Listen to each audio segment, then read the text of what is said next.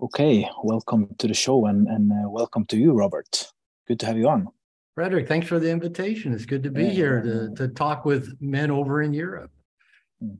It's a pleasure. It's a pleasure. So, yeah, why don't we uh, just start uh, right away? We're just talking a little bit about men, uh, about nice guys, uh, maybe uh, compared to Europe, US, or and uh, we had a conversation going. So, I mean, uh, do you want to introduce yourself a little bit? I guess uh, some of my uh, listeners uh, know already who you are, but there is also a lot of people that don't know about the things you have been up to the last years. So, All right. Well, I'm, I'm Robert Glover, and uh, probably the, the thing I'm most known for is my first book, No More Mr. Nice Guy, where I talk about uh, nice guys, you know, men that are passively pleasing and try to make people happy and avoid conflict and give to get and uh, are often resentful and passive aggressive and, and not very nice because we're not particularly honest and we don't uh, tell the truth and we don't ask for what we want. We don't have very good boundaries.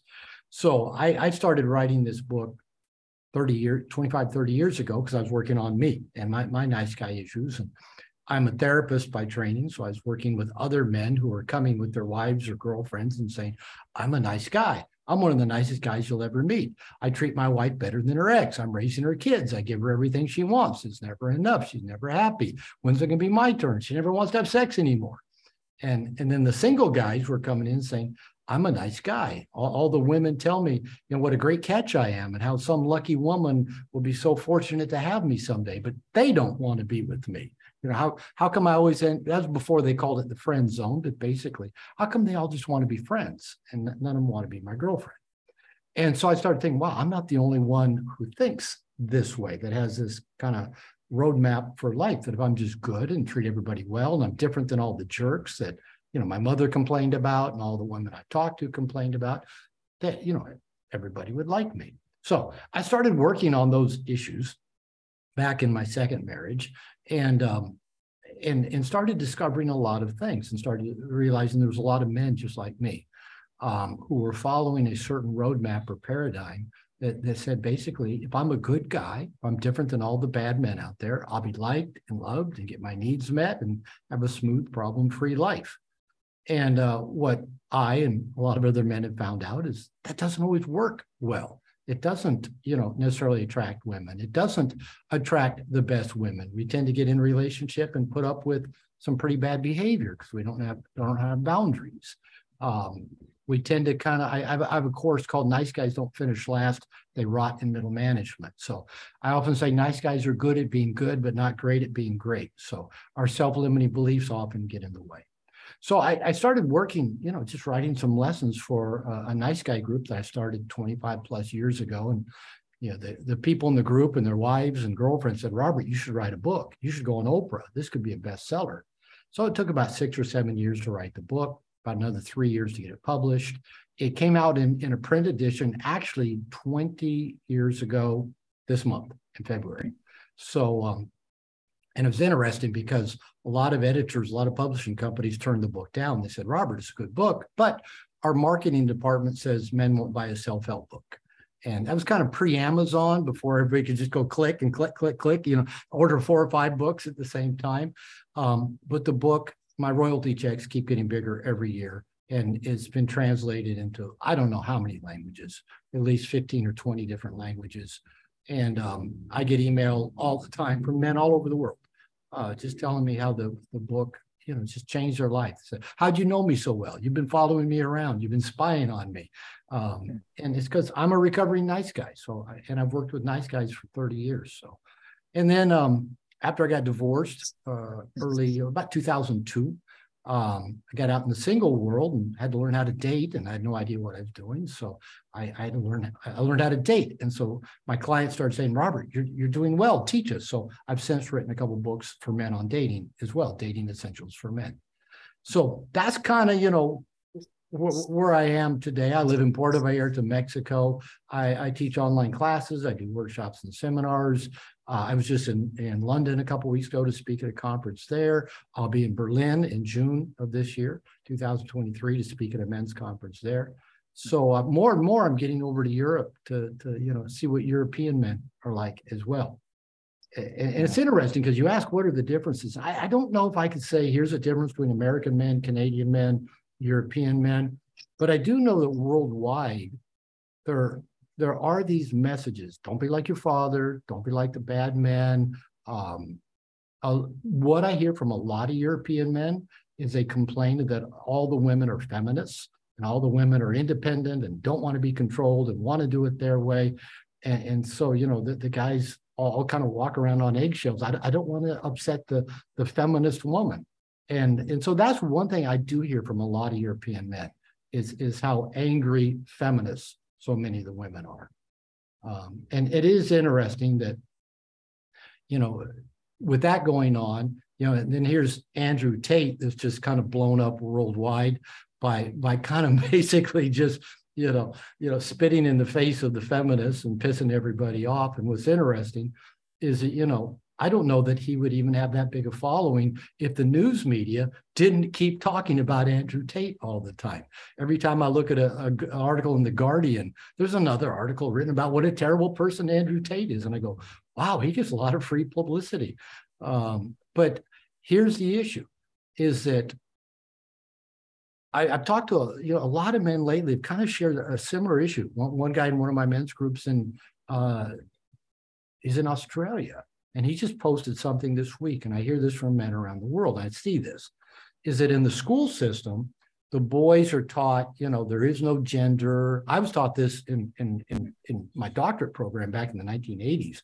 There's no gender. There's as many genders as there are people. There's no there's no such thing as masculine, feminine, boy, girl. It's all fluid. Um, but yet everything having to do with masculinity is toxic and and so you know boys are being taught to to, to be passive and go along to get along and uh, don't stand out and don't be aggressive. And then the girls in the meantime are kind of being taught you know go out and kick ass go go get a degree go have a career you know go go be on the soccer team you know, other, you know whatever. And and so what's happening is it seems like as the women keep getting stronger and more forceful the men keep getting more and more passive. And and what happens is then men don't know where to turn for for information on on what does it mean to be male, to be masculine, to be a boy. And so, you know, things like the the manosphere and red pill and Andrew Tate, all of a sudden that's the only information they have access to. And so what, what I see is that it's either like, you know, be a simp, be passive, be pleasing, um, you know, go it alone, or go over here and be the asshole and be the jerk and treat women badly. And and that's how you be a man. And I don't think either one of those are particularly helpful. Yeah, thank you, thank you for sharing. Um, there was a guy uh, in in uh, one of the groups uh, that I run. Um, so just let me try to ask this question, and maybe you can talk to it. Uh, he said, "So okay, so if I'm not going to be nice, do I then have to be a jerk?" And I know yeah. that he, he didn't use the word he didn't use the word jerk, but something similar. Well, probably. Uh, so maybe you can speak to that. Or, yeah. yeah, yeah, you know, I think you know that's what I think that's what everybody assumes. I, I know, you know, when when people um, sometimes have a reaction to my book, the title of it. I know the reaction is not because they've read it; they react to the title. No more Mr. Nice Guy. Well, what? Why do we need a book teaching men to be not nice? There's already enough not nice men out there. Um, and and a lot of guys you know, because we do tend to be kind of black and white. It's either this or this, you know, give me the roadmap. I'll just follow it. Tell me what to do. And, and again, that's why I think men flock to the manosphere and Andrew Tate and stuff like that. They say they're telling them what to do. Go do this, go do this. But that's still not how how you you how, how you how you be a man. You don't do it just by following somebody else's formula of, of you know, you know, treat women bad and then blah blah blah. So what I tell guys is, you know, the opposite of crazy is still crazy. So guys will say, well, I, I, get being a nice guy doesn't work. Does that mean I have to go be a jerk? Do I go be the opposite? But that's still crazy because most guys became nice guys because they were trying to be the opposite of their fathers, who their mothers complained about, or who were absent, or alcoholic, or angry, or trying to be the opposite of the bad men that they listen to women talk about. You know, the bad men that the women keep going for. You know, what, but they complain to us nice guys about the bad guy. So we think, well, you know, okay, I'll be opposite of the bad guy, opposite of my father, and I'll go be this passive nice guy. But as a lot of guys tell me, you know, they've been told all their life what not to be, but they've never told been told, okay, this is be you, right? Don't be this, don't be this, don't. So we're trying to be the opposite of something, but that means the thing we're trying to be the opposite of is in a sense still our our guiding pole, right? It's it's like, okay, I'm being the opposite of my dad, opposite of all the bad men, opposite of Andrew Tate, opposite of whatever, right? But that that being the opposite of something isn't the answer to anything. Well, then we could say, well, I'll be the opposite of a nice guy, right? I'll, I'll go the other way and and I'll go, you know, find out how to manipulate women. I'll go find out how to do this. I'll go, blah. but being the opposite of the nice guy is not the answer. So what I teach is usually for men to become what I call integrated males. That's what I refer to the men in No More Mr. Nice Guy to go from nice guy to integrated male. It's not guys will say, well, I, I need to find the so you know the, the middle ground between those two extremes of, of I call it the wussy doormat or the asshole jerk, right? And I go, well, really, I don't know where the tipping point is between two toxic extremes, right? This is toxic being a nice guy. This is toxic being the asshole jerk. Where's the middle point? Well, there's someone. We have to go to another plane, another level. And for, for most nice guys, for most men I work with, that usually involves uh, learning to soothe our anxiety, because nice guy syndrome is, I, I think, it's an anxiety based uh, syndrome. Learning to release our shame, because most nice guys feel not good enough. So it's a shame based syndrome. We have to learn to soothe ourselves. We have to learn to be honest. We have to learn to be transparent. We have to learn to make our needs a priority. We have to learn to connect with men. We have to learn how to have boundaries. Um, those are the, the things that we learn how to do rather than becoming more of this or more of that. We kind of rise to this other plane. And, and what I say in No More Mr. Nice Guy, and I've been teaching this for years, is that you can't do this alone. You didn't become a nice guy in social isolation. And so I, I, I tell men, you got to go find a safe person or a safe group.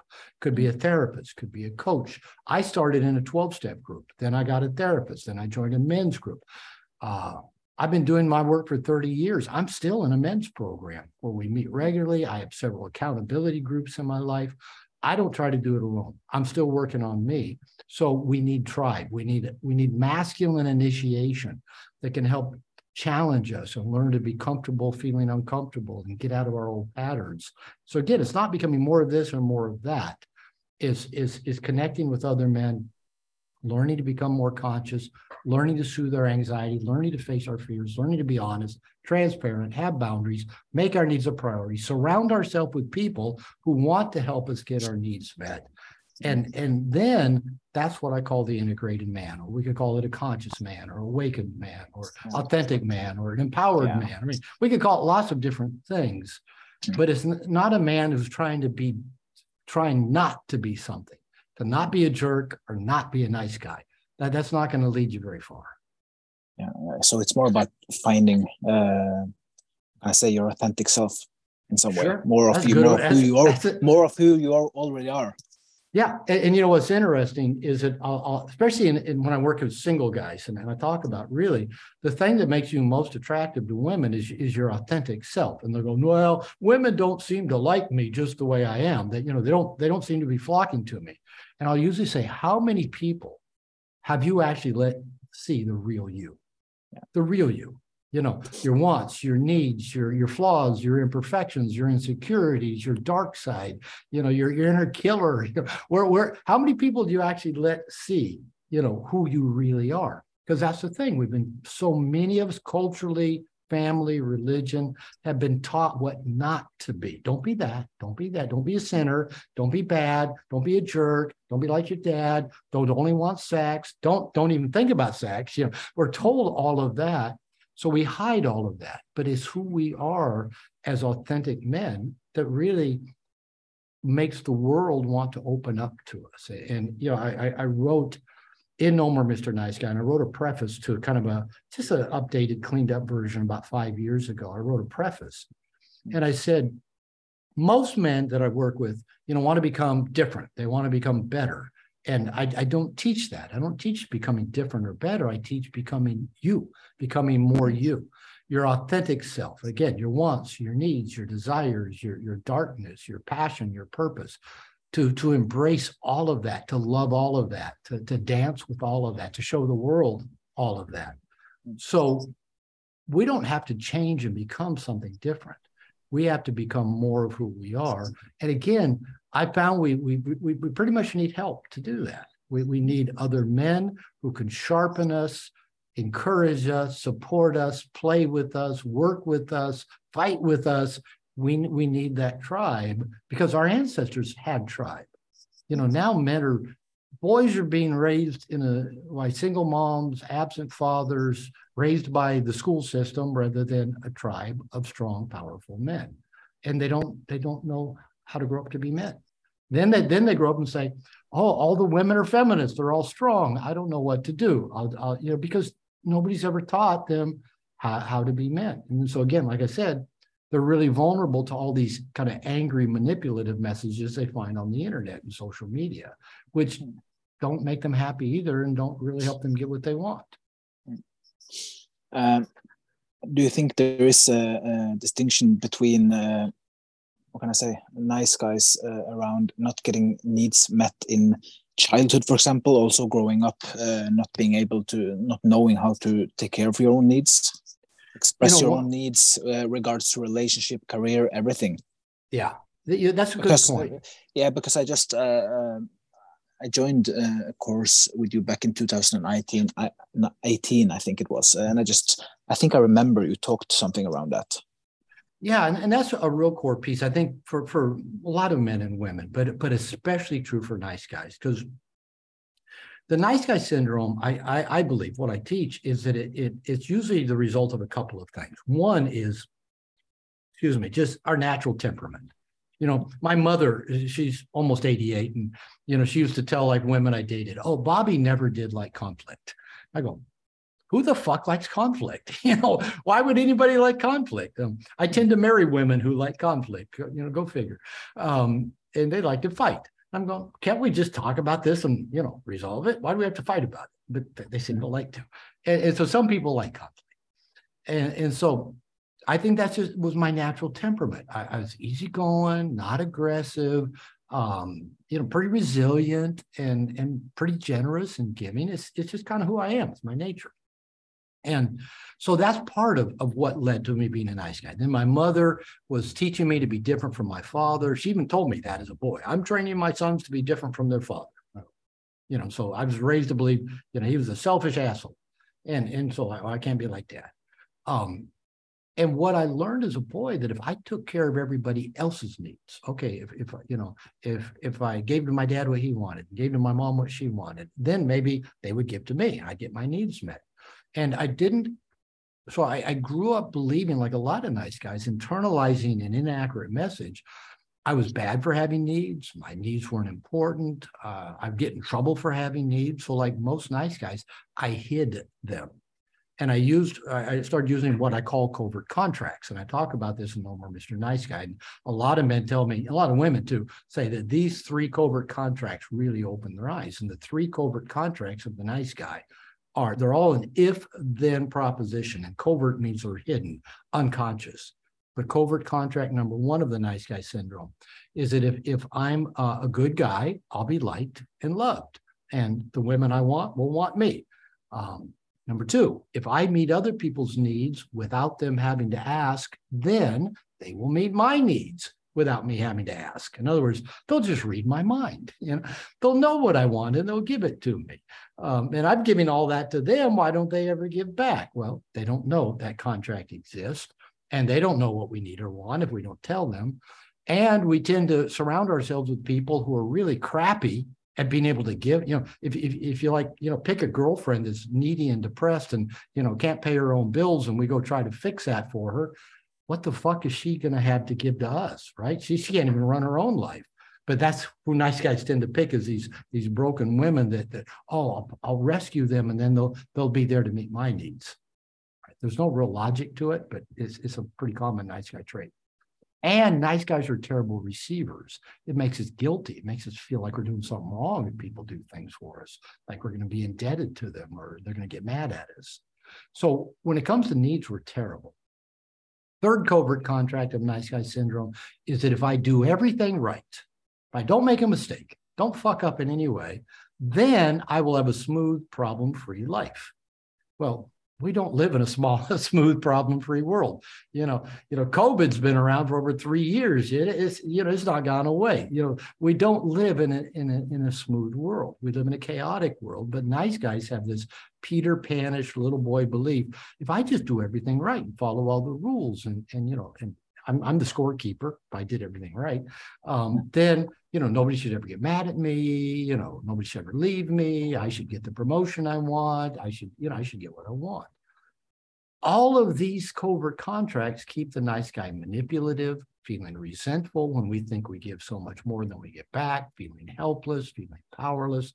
And again, this is some of the reasons nice guys often aren't very nice because men that, are, that feel resentful, powerless, helpless, insecure, unboundaried, you know, not getting our needs met, we're, we're not particularly very nice people. And mm-hmm. especially in, in the way we try to manipulate people in situations to get them to be what we want so we feel like we'll get our needs met. And, and we do that again, so so unconsciously, covertly, and, and nobody even knows they're part of the contract. So the, the dynamic around needs is is really important. So one of the things I work with nice guys, and this often freaks nice guys out, is about making their needs a priority. And, and I'll, I'll say, guys, you've got to put yourself first. And they think, well, that's what makes you an asshole, right? You put your no, no, no. That's what makes you a mature adult, is that you make your needs a priority. Because if you don't take responsibility for getting your needs met and filling your own bucket, who is? Who's going to do that for you? Not your mommy and daddy. Their, their job's done. Even if they did a crappy job, their job's done. When we think, well, I'll go, I'll, I'll go get a woman, and the woman will meet all my needs and make me. No, she can't do that either. And again, you'll probably pick a woman who who's pretty crappy at doing it any for herself. So you think she's going to do it for you. So this is what maturity is. This is what I call differentiation or, or integration. Is when we can ask ourselves, what do I want? What do I need? What's important to me? And how can I surround myself with people and professionals and, and groups and practices that help me get my needs met, to help me fill my bucket? Then I can give to others. I can give to the world from the overflow. But you can't give from an empty bucket. So, as adult, mature, integrated men, we have to take full responsibility for our needs and wants, for surrounding ourselves with people, and and and you know whatever tools we need could be you know could be our, our dentist. You know i'm supposed to have dental surgery uh, monday. Well you know so i've got a dentist. Uh, you know i had some medical problems a few months back. Well, i have a doctor. You know I, have got an accountant. I've got a financial advisor. I've got a chiropractor. You know I've, I've got professionals in my life that help me get my needs met. I have a boatload of friends that I, I, talk to daily. I'm, I'm in probably at least five or six accountability support type groups for different things for writing for exercise for relationship. Um, I, am I'm, I'm surrounded myself with men and and, and and and and accountability groups to help me get my needs met. I work out regularly I have a morning uh, ritual that I go outside and I read some good material and I meditate and I do gratitude practice and I write in my journal. I do daily practices to help sharpen me and hone me and, and help me get comfortable feeling uncomfortable. Um, I, I, I, do my best to eat healthy. Uh, I surround myself with people who treat me well. So these are all things that have been a conscious process to fill my bucket so that I have more to give to the world. And as we've talked about, and, and, and recognizing, you know, part of my authentic self is I have needs and wants. That's good. That's okay. I can let the world see them. And there's plenty of people out there that want to help me get my needs met. Those are the people I need to hang out with. Great, Sharon, and uh, thank you for sharing. Um, you talked a little bit about uh, nice guys ending up in relationship or marriages that are sexless, for example. that happens. yeah, yeah, yeah. Maybe you can uh, share a little bit around that uh, regards to the nice guy dynamic or everything. It seems like that's a pretty common problem that is going well, around. it, it is. Um, hmm. uh, yeah, I've, I've heard. I've got a, a, friend who's a coach that calls it a dead bed syndrome, and he's built a whole membership program around that idea of the dead bed syndrome. Hmm. Um, and you know, I, my training is as a marriage and family therapist. So I, I, I got a PhD in marriage and family therapy when I was 29 years old. I'm 67. So I've been, I, I worked with couples for many, many years. And, you know, and I've, I've said I bumbled my way through all of my own relationships because, you know, we, we don't, we're not born knowing how to do relationships, especially intimate relationships with the opposite sex. So I've I've I've had my own struggles in a relationship with partners that didn't want to have sex. My second marriage, who my the wife I was married to when I wrote No More Mr. Nice Guy, on our honeymoon announced, "Aren't you glad that now that we're married, we don't have to pretend to like sex anymore?" I said, "Well, wait a minute. I wasn't pretending to like sex. You didn't seem to be pretending to like it. You know, you were showing up. You know, like like you really liked it. And uh, I, but you know, as, as before I began my nice guy recovery, I thought, oh, I can fix that. I can make that better. I know she didn't want to have sex with her ex husband either, but you know, it'll be different with me. You know, that was a, hmm. the oblivion of my nice. So for 14 years, very very little sex, and when we did, it hmm. wasn't very good. Hmm. Um, since that time, for the last 20 something years, every woman I've been with, including my, my present wife, have wanted a lot more sex than me. So I was a pretty classic nice guy in, the, in that I co-created a relationship with somebody that didn't want to have a lot of sex. Now, when when a guy comes to me and says, "Well, you know, my wife doesn't want to have sex anymore. You know, we don't have much sex," or blah blah blah, it's it's a it's too easy and that's a mistake to think well it's just it's this one thing. If we just fix this one thing it'll solve it. It's usually a multiple of things. Um, maybe the woman has sexual abuse issues. Maybe she has trauma. Um, maybe maybe the guy sucks in bed. Um, you know maybe he's indirect and passive and, and you know maybe he's addicted to porn. I mean it could be any number of things.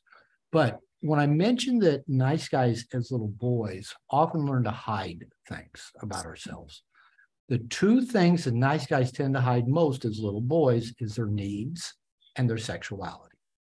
You know, it, it, it gets pushed underground. Now, the thing, we're all born sexual. I, I remember my son and stepson you know, they they when they were like two, three years old, they'd walk into a department store and there's like a, a, mannequin that they put clothes on. If it was like naked, you know, didn't have clothes on, it's just a mannequin. They'd go, boobs. Like, how cool. You know, you know, at three, you know, they, they were already, oh, boobs. Um, hmm. you know, I, I, remember one time they were riding the back of the car. They're all three or four years old. And they had, they had their super soaker squirt guns that they'd have, you know, squirt gun fights with. And they were in the back seat. I mean, I swear they couldn't have been over four. And they're going, I've got a Super Soaker 500. I've got a Super Soaker 1000. And, and, you know they weren't talking about squirt guns. They, they were already you know you know doing you know I've got this big a dick. I've got you know at hmm. four years old. So you know they're born sexual. Now what happens is that culturally, familially, religiously, we, we, we, we put a lid on that, right? Oh no, that's bad. That's wrong. You, little boys, little girls can't be sexual, but they are. We're all born sexual but society's real uncomfortable with that. I grew up in a, in a fundamental Christian church, which a lot of nice guys I work with did grow up in some form of religion, not all, but a number. I was taught sex is evil, dirty, and sinful. So save it for the one you love. Save it for marriage. And then on your honeymoon, you know, everything will be good. Unless the woman says, I don't want to pretend to like sex. um, so little boys learn to hide their sexuality. And it, so it goes underground and, uh, and girls do as well. Um, female sexuality is actually more celebrated in our culture. You know, oh, hmm. aren't you a pretty little girl? You know, women can, you know, wear the, you know, the, the, the skimpiest little things and they get a lot of attention. But male sexuality still seems to have a pretty big lid on it. Hmm. So what what what, what happens is that all that sexuality goes underground because it's got to go somewhere. It's, it's, a, it's yeah. a core part of who we are. It's got to go somewhere. Yeah.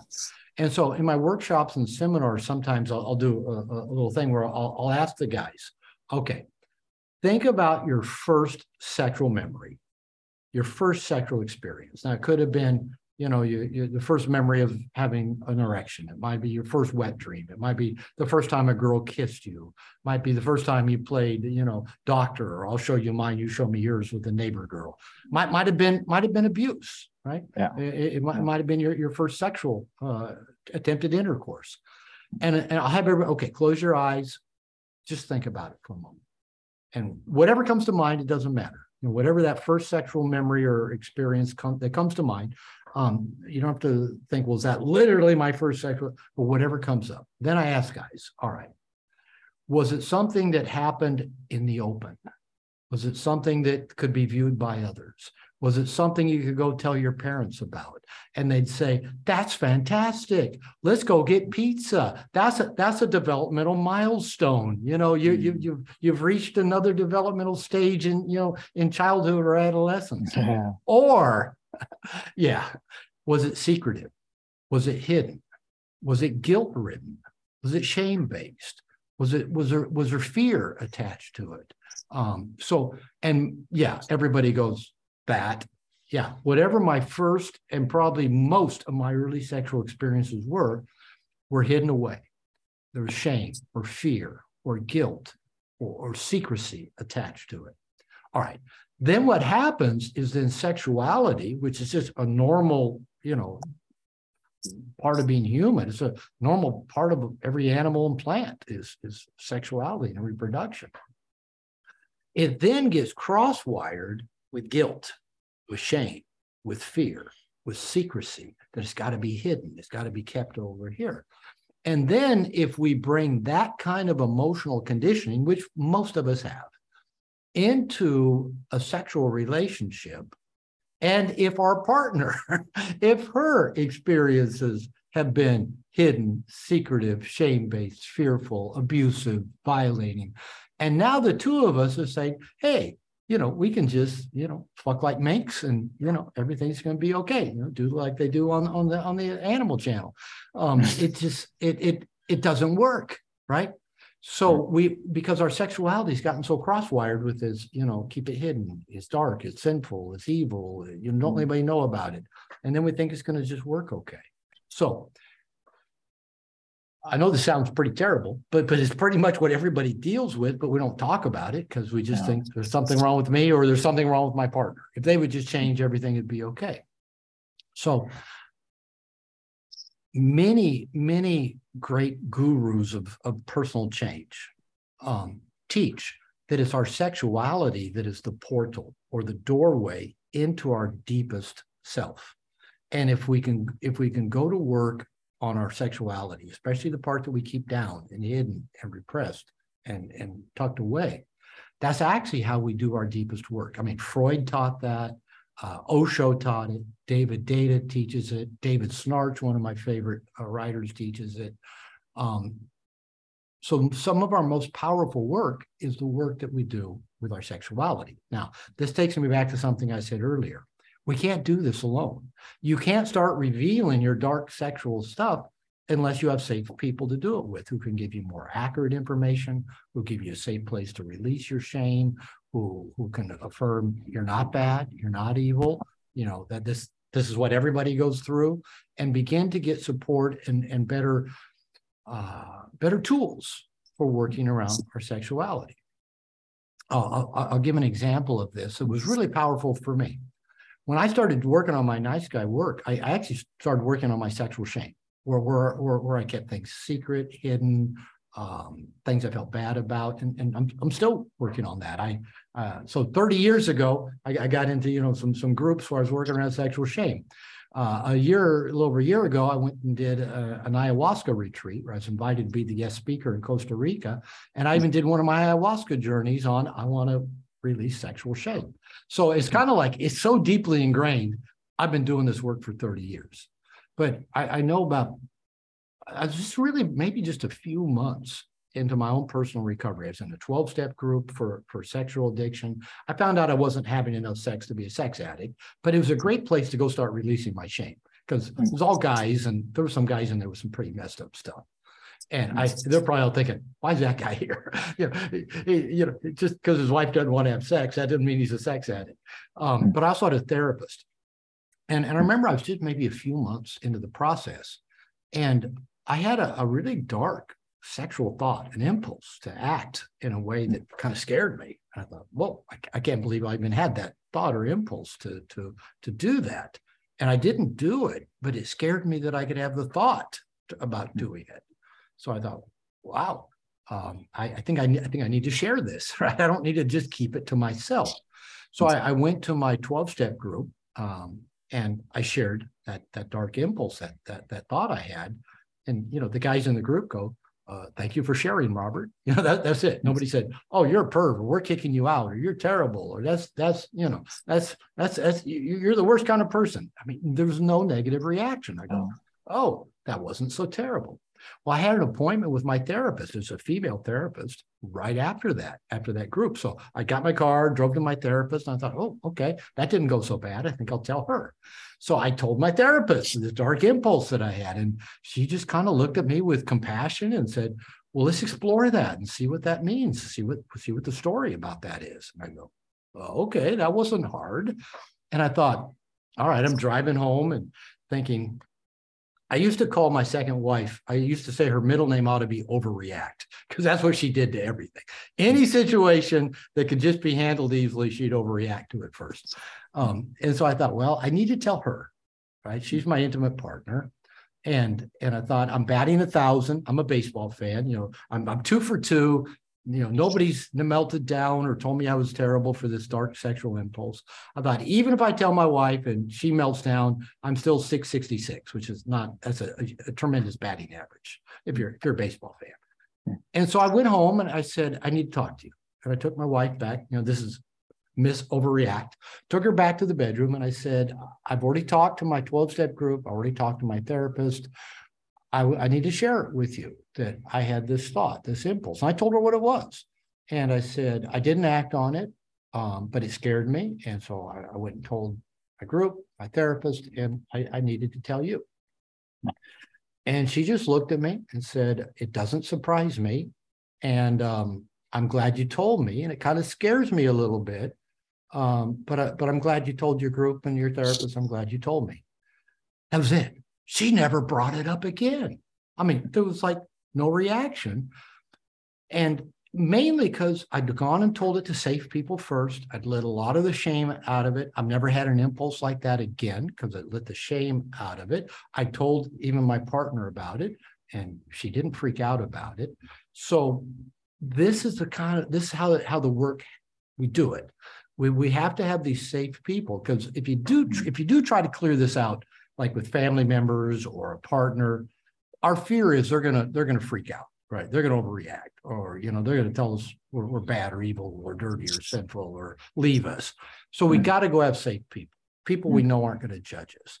And if we can go do this this especially this dark work, whether it's around our sexuality, whether it's around our needs, our wants, our fears, our anxieties, anything we have shame about, anything we have guilt about, anything we repress, if we can go share that with safe people and get support, both that we're not bad, we're not evil, that there's different ways of looking at things, and and if it helps empower us to bring it out into the light and go get our needs met in open, you know, authentic, uh, honest ways, it it makes it makes us better people. Even though I'm, I just said we're not trying to become better people, but we get to be more ourselves.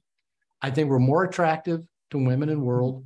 I think we'll be more successful. We'll achieve more of what we want because we're not keeping everything pushed down and hidden away. And, and by the way, our sexual drive, sexual energy is the most powerful force on the planet. And if we're repressing that, we're repressing all of our power. So learning to embrace it and release it and let it out and let it be seen is one of the most empowering things that we can do. Thank you for sharing to that.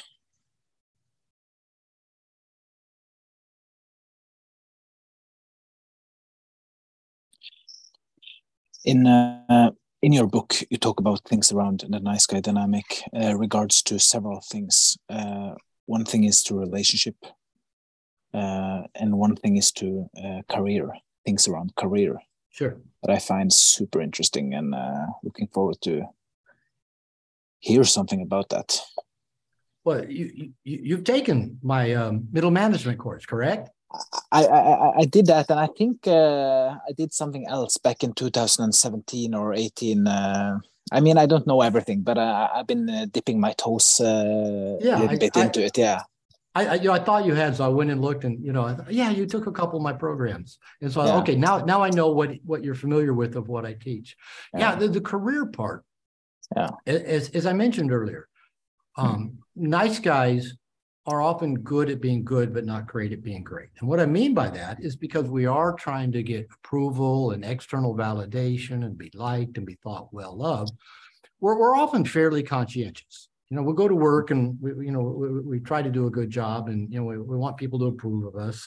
But unfortunately, we, it often gets in the way of us being great, of living up to our full potential for a number of reasons. Uh, a few is that uh, number one, nice guys are often just terrified of of standing out, of of being in the spotlight, of, of just you know kicking some serious ass, you know, and a lot of fears come up for that. Well, uh, you know, people, will, I'll be found out. I'll be found out I'm not that smart, or I'm not that good, or the expectations will be raised, the bar will be higher, more will be expected of me, or I'll lose control over my life, or I'll lose everything, or I'll fuck it up. So you know, nice guys have a big fear of success um, we also have a tendency, as I've kind of been talking, to get caught up in what we just call codependent relationships, where we sacrifice us to take care of other people, that giving to get the covert contracts.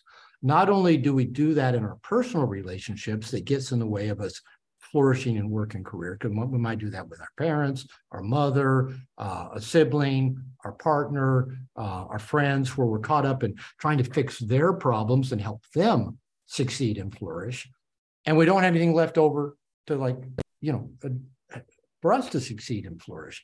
And and it's safer. It's safer to be fixing somebody else and helping them you know succeed and overcome their problems than it is for us to go you know work on us and really uh, go go go rise up to our full potential. Again for all those fears of success fear of failure. What if i try and i look foolish or i lose all my money or i get fired or i'm not good at it?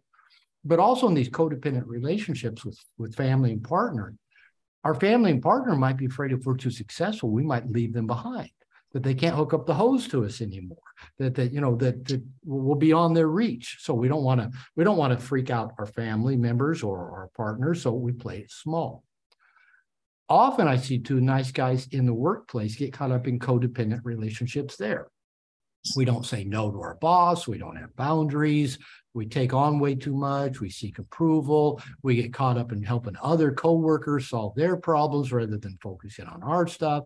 We may not understand what we're supposed to be doing, and instead of just asking for help, we, you know, we, we just keep trying to figure it out, or we, you know, so all those codependent tendencies can really show up both in our personal relationship that takes energy away from our purpose, or they show up over here, you know, in in the workplace and and block us as well. And so again, the same thing that, that I teach men about work and careers, learning to, to be authentic, have good boundaries, know what you want, ask for what you want. And also, again, to build that tribe, to build the people around you mm-hmm. to help you take risk.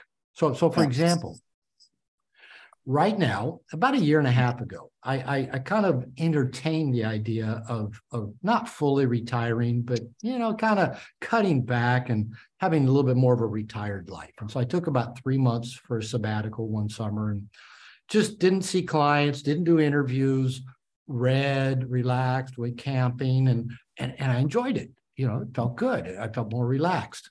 And I thought, well, I don't think I'm quite ready to retire. I, I think I want to convert all of my online classes into video. I thought I can do that in a few months. Uh, it's taken about a year and a half, maybe longer. And so I, I, I, started on doing that.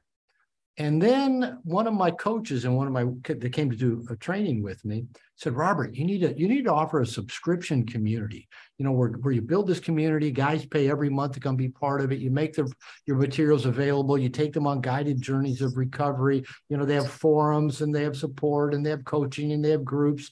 And I go, that's a great idea. And I thought, and that's a lot of work. I think I was thinking maybe about retiring. And hmm. but you know what? That idea excited me so much to leave a legacy because I will retire someday or I'll die someday. Um, and so I've got, uh, you know, I've, I've, just got thousands of hours of materials, of recorded material, written material, interviews, and and it's just like in a vault. you know, it's just it's hmm. digital. And so so I've been in the process for over a year now of, of creating uh, a platform to where men can come be part of a subscription community and they'll get access to all that material with search engine. Uh, we're now going to add uh, artificial intelligence to it. Uh, we'll have forums. We'll have uh, monthly calls. We'll, we'll just all kinds of support. Now, if I was trying to do that alone, which the old me would have, I, would never get it done. I, I, wouldn't get it done before I retired and died. Mm-hmm. But I've got a full-time tech person that's working with me, building all the technical stuff. And, and, you know, one of the programs you did, that middle management, you know, we got to see, you know, watch all my lessons in seven days. That was testing, you know, the technology that we're going to build into this new program. I've also got seven of my certified coaches meeting with me on calls regularly as we work together to build this. And, and I'm calling them the founding, you know, uh, coaches of this. I've hired another guy to start helping me with the business model of it to track things. And uh, here I'm in my 60s learning to be a better business person.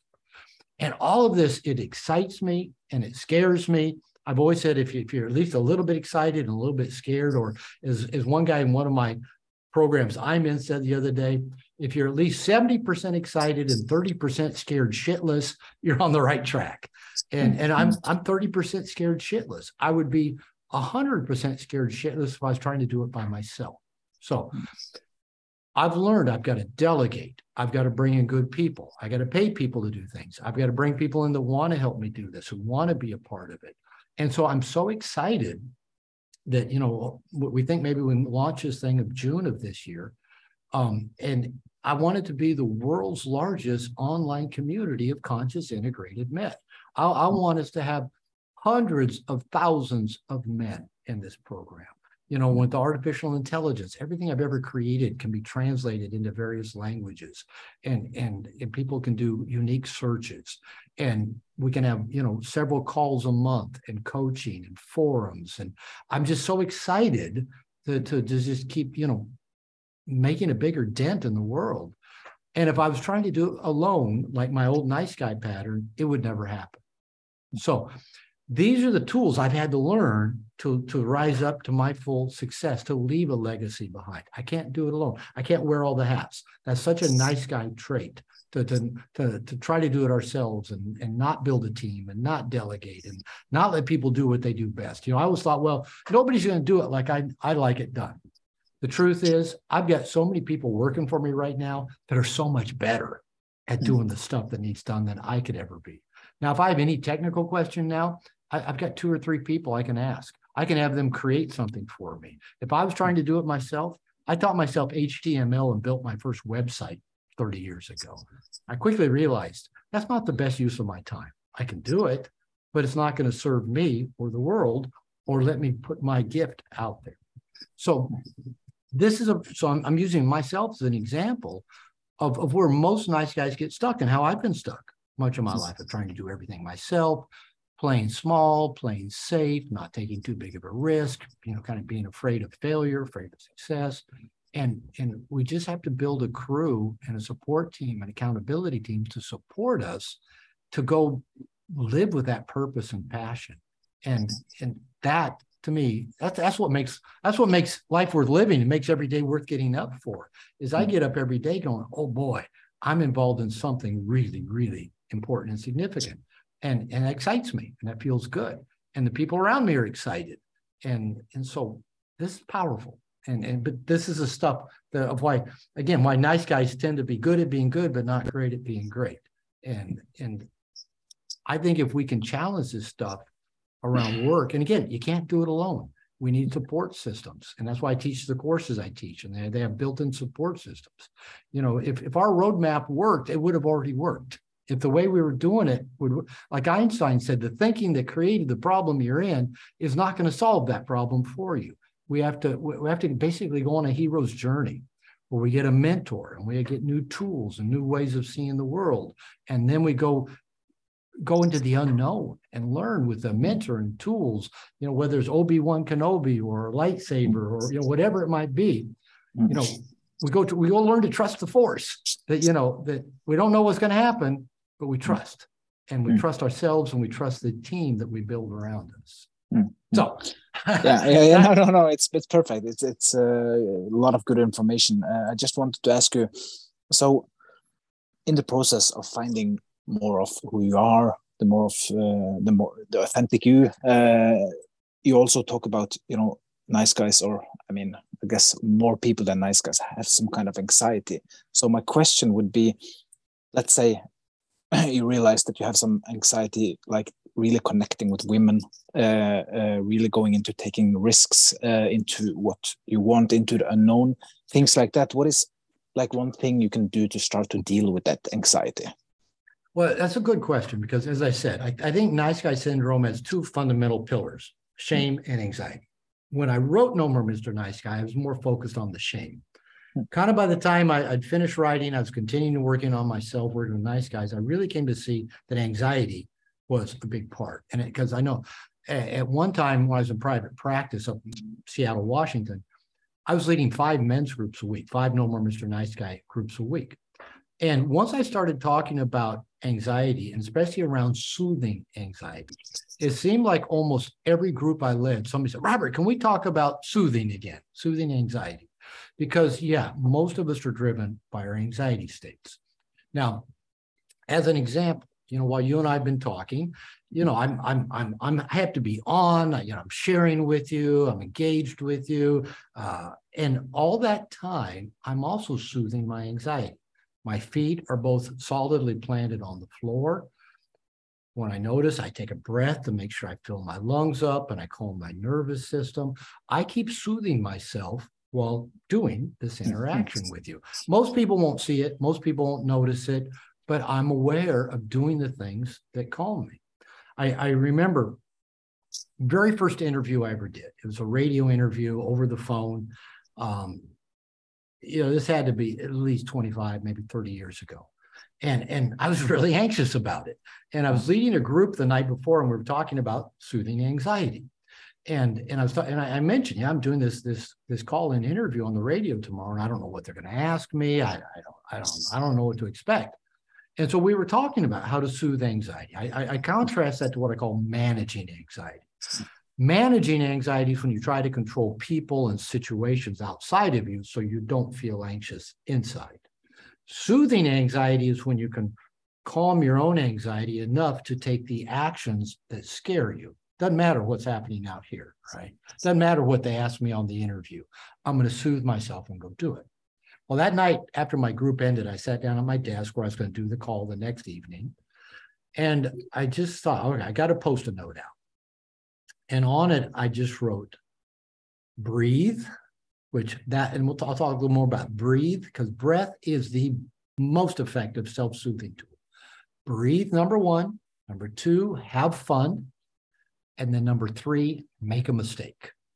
I gave myself permission to fuck up, to make a mistake, to to you know say something stupid or you know lose my voice or sneeze or whatever. And, and as it happened during the call, the call dropped. You know, this was a live interview over local radio station, and for some reason the, the, call dropped. I don't know if they're in my. So for about two or three minutes, I'm trying to get back, you know, called back into this radio station, and and so like, oh yeah, something got. Sure enough, something got fucked up. So okay, check that one off. But I just kept breathing. I kept looking at the note while I was talking. And I've done many interviews since then. So I've done hmm. live interviews. One of the first television interviews I ever did was with Fox News and then Bill O'Reilly. Uh, I've, I've, interviewed with Dick Clark, with um, Geraldo. You know, I, have done, you know, interviews with some pretty big names. And I, I was hmm. anxious for all of them. And I just breathe, have fun, make a mistake. So I, I, I do that with mm. you. You know, mm. I just think to myself, breathe, have fun. Oh boy, I get to do an interview today. And, yeah. you know, I may make a mistake. I may say something dumb. I may say something, I wish I'd said that better.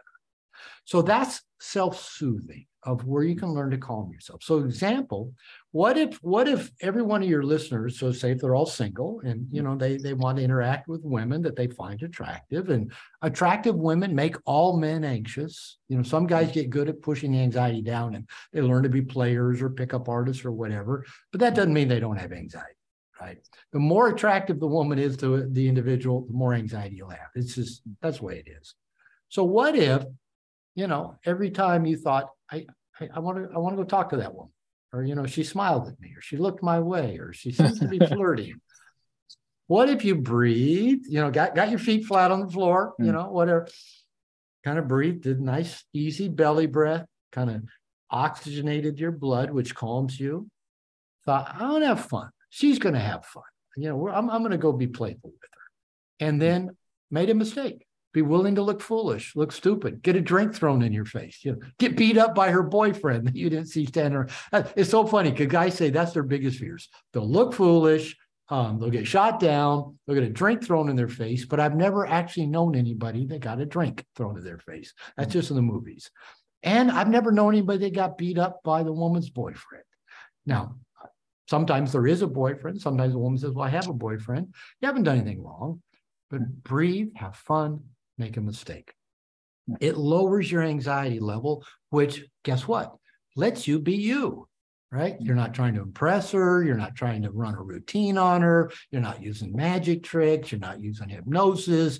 You're not using, you know, the, the poles, the tricks, all, you know, you just go, you, you know, you, you just walk up and, you know, if your name's Robert, like mine, you, you just say, Hey, I'm Robert. You know, what's your story? I'm Robert. Where are you from? I'm Robert. What are you doing here? I'm Robert. You know, just anything. You don't have to be clever. You don't have to be funny. And if the woman has interest in having a conversation with you, it will be easy. It will just happen. If she doesn't have interest in having a conversation with you, you'll soon know. No harm, no foul. So it was nice to meet you. Have a great evening and move on. You haven't done anything wrong. You, are not stupid. You didn't look stupid. You're not foolish. But especially if a woman's already sending, sending you some indicator of interest, smiling at you, kind of walking in front of you a few times, uh, you know, looks your way, you know, juts a hip out, gives you, you know, the, the, the cleavage shot, leans over, anything that already shows she's sending you, hey, notice me, hey, notice me. You don't have to do anything magic to, to, to connect with her. She's already got interest in you. So your job is just walk up and say, hey, my name's Robert. My name's Frederick. My name's Ralph. You know, whatever, and hmm. just say, "Hey, I noticed you looking my way. Tell me, you know, tell me more about you. I want to know you." Yeah, you don't have to be clever. Just engage. Yeah. But to do that, you've got to be you, the real you, not not some you know pickup guy that you know learned all the tricks on some YouTube video. Just yeah. go be you. And if she hmm. wants to engage with you, she will. If she doesn't, she won't move on because there's other women who do want to engage with you. Great, share. Thank you. Yeah. Good information. And uh, yeah, so so uh, when it comes to anxiety, so it's it's more about learning how to regulate or soothe yeah, regulate the different states word. you know uh, regards to if it's uh, with relationship women uh, career whatever it is actually yeah, I just read a quote. I've heard this quote mm. before, and mm. and and I, I, read it again like a day or so ago, and I and I mm. wrote it down. Uh, mm. let, let, me see if I can find it real quick so I get it mm. right. Um, here it is uh, by Dr. Fritz Perls, who's a, mm. a psychiatrist that st- started what's called uh, Gestalt therapy, and and maybe you, we've heard it before, but it says yeah. fear is excitement without the breath. Fear is excitement without the breath. All that means is fear and excitement are the exact same physiological, biological, chemical responses in the body. But when you're afraid, you quit breathing. When hmm. you're excited, you know, you're excited and you, are you're, you're breathing and you're, you're, hmm. you're anticipating. So, what if we just add breath to fear? Every hmm. time you're afraid or anxious, remember, breathe, have fun, make a mistake. Whatever you're hmm. afraid of, then you can lean into it and turn it into something that's an adventure. It's an opportunity. And so, mm-hmm. but breath is such a key. Mm-hmm. Thank you for uh, joining, Robert. Frederick, thanks for the invitation. This was fun. It was great sharing a conversation with you. Looking forward to share it. All right. Thank you. Let me know. I'll, I'll spread it around as well. Thank you.